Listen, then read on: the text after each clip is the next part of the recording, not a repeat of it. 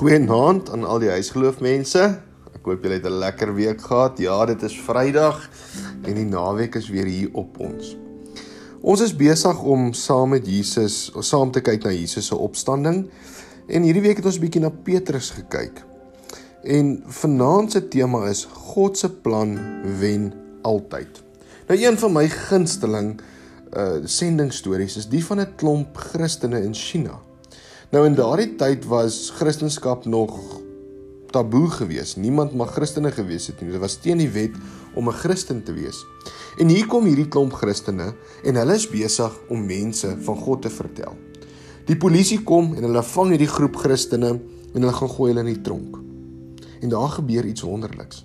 Daar in die tronk begin hulle lofliedere sing tot God en hulle preek. En die wagte is naderhand moedeloos en hulle weet nie wat om te doen nie. En hulle besluit toe hulle gaan hierdie mense na verskillende tronke toe skuif. En so skuif hulle hierdie mense na verskillende tronke toe en dit het nie daar gestop nie. Van daar af het daai mense gegaan en hulle het daar ook gesing en en gepreek en God se naam groot gemaak.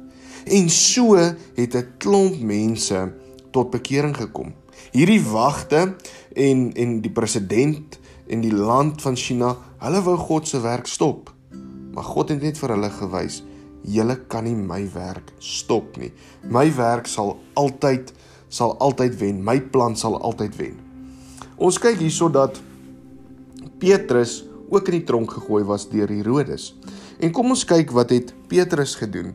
Vanaand se gedeelte wat ons saam gaan lees is Handelinge 12 vanaf vers 5. So is hy dan in die tronk bewaak, maar die gemeente het aanhoudend vir hom tot God gebid.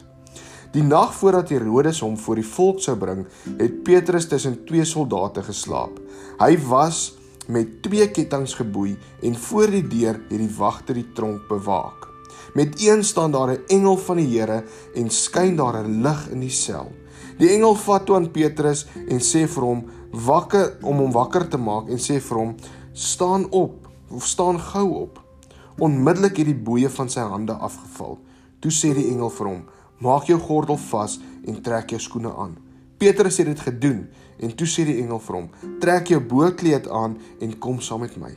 Petrus het agter die engel aangegaan sonder om te besef dat hy werklik bevry word. Vir hom het dit gelyk asof hy 'n gesig sien. Petrus het seker gedink hy droom. Vers 10 sê Hy is by die eerste wag verby en ook by die tweede. En toe hulle by die eysterdeur kom wat na die stad toe lei, het dit van self vir hulle oopgegaan. Toe hulle buite kom en 'n end met die straat af was, het die engel vir Petrus skielik verlaat. 'n pragtige gedeelte. Dit klink amper of dit net in 'n movie kan gebeur.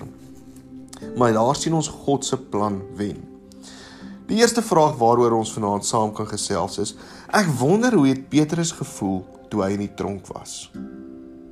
Die tweede vraag is: Ek wonder wat het die soldate gedink toe hulle gesien het Petrus is net weg en die boeie en alles lê op die grond? En die derde vraag is: Ek hoe ek wonder hoeveel mense gaan vandag nog tronk toe omdat hulle in Jesus glo. Iets wat ons kan doen as as huisgeloof mense as gesin of as vriende.